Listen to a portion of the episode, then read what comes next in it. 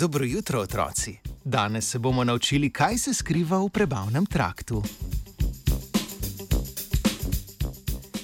Raziskovalna skupina iz ZDA v reviji Nature Communications poroča o študiji sestave črevesne mikrobiote pri gorilah.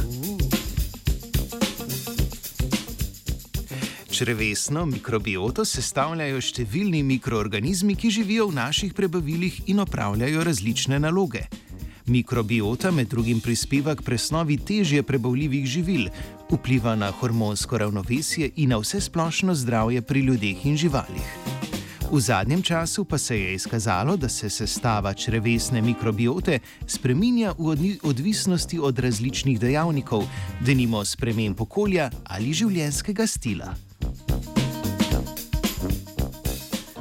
V raziskavi so tri leta zbirali vzorce fekalne mikrobiote 87 goril in 18 šimpanzov iz deževnih gozdov Republike Kongo.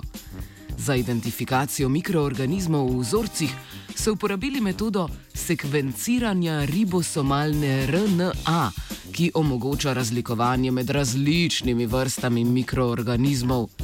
Sestavo mikrobiote goril in šimpanzov so primerjali z mikrobioto ljudi iz ZDA in Mongolije ter z opicami starega sveta, med katere se uvrščajo naprimer makaki.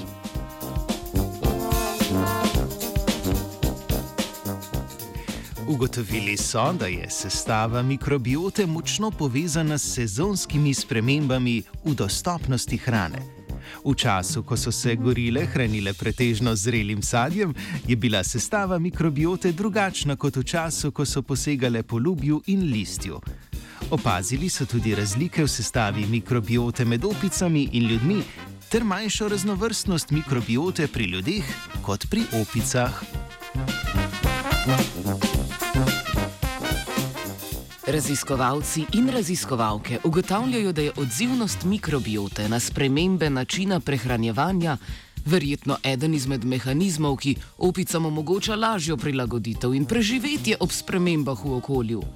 Poznavanje mikrobiote pri človeku podobnih opicah bo v prihodnosti morda omogočilo ponovno obogatitev vedno revnejše človeške mikrobiote, ki je posledica slabe prehrane in pretirane uporabe protimikrobnih sredstev.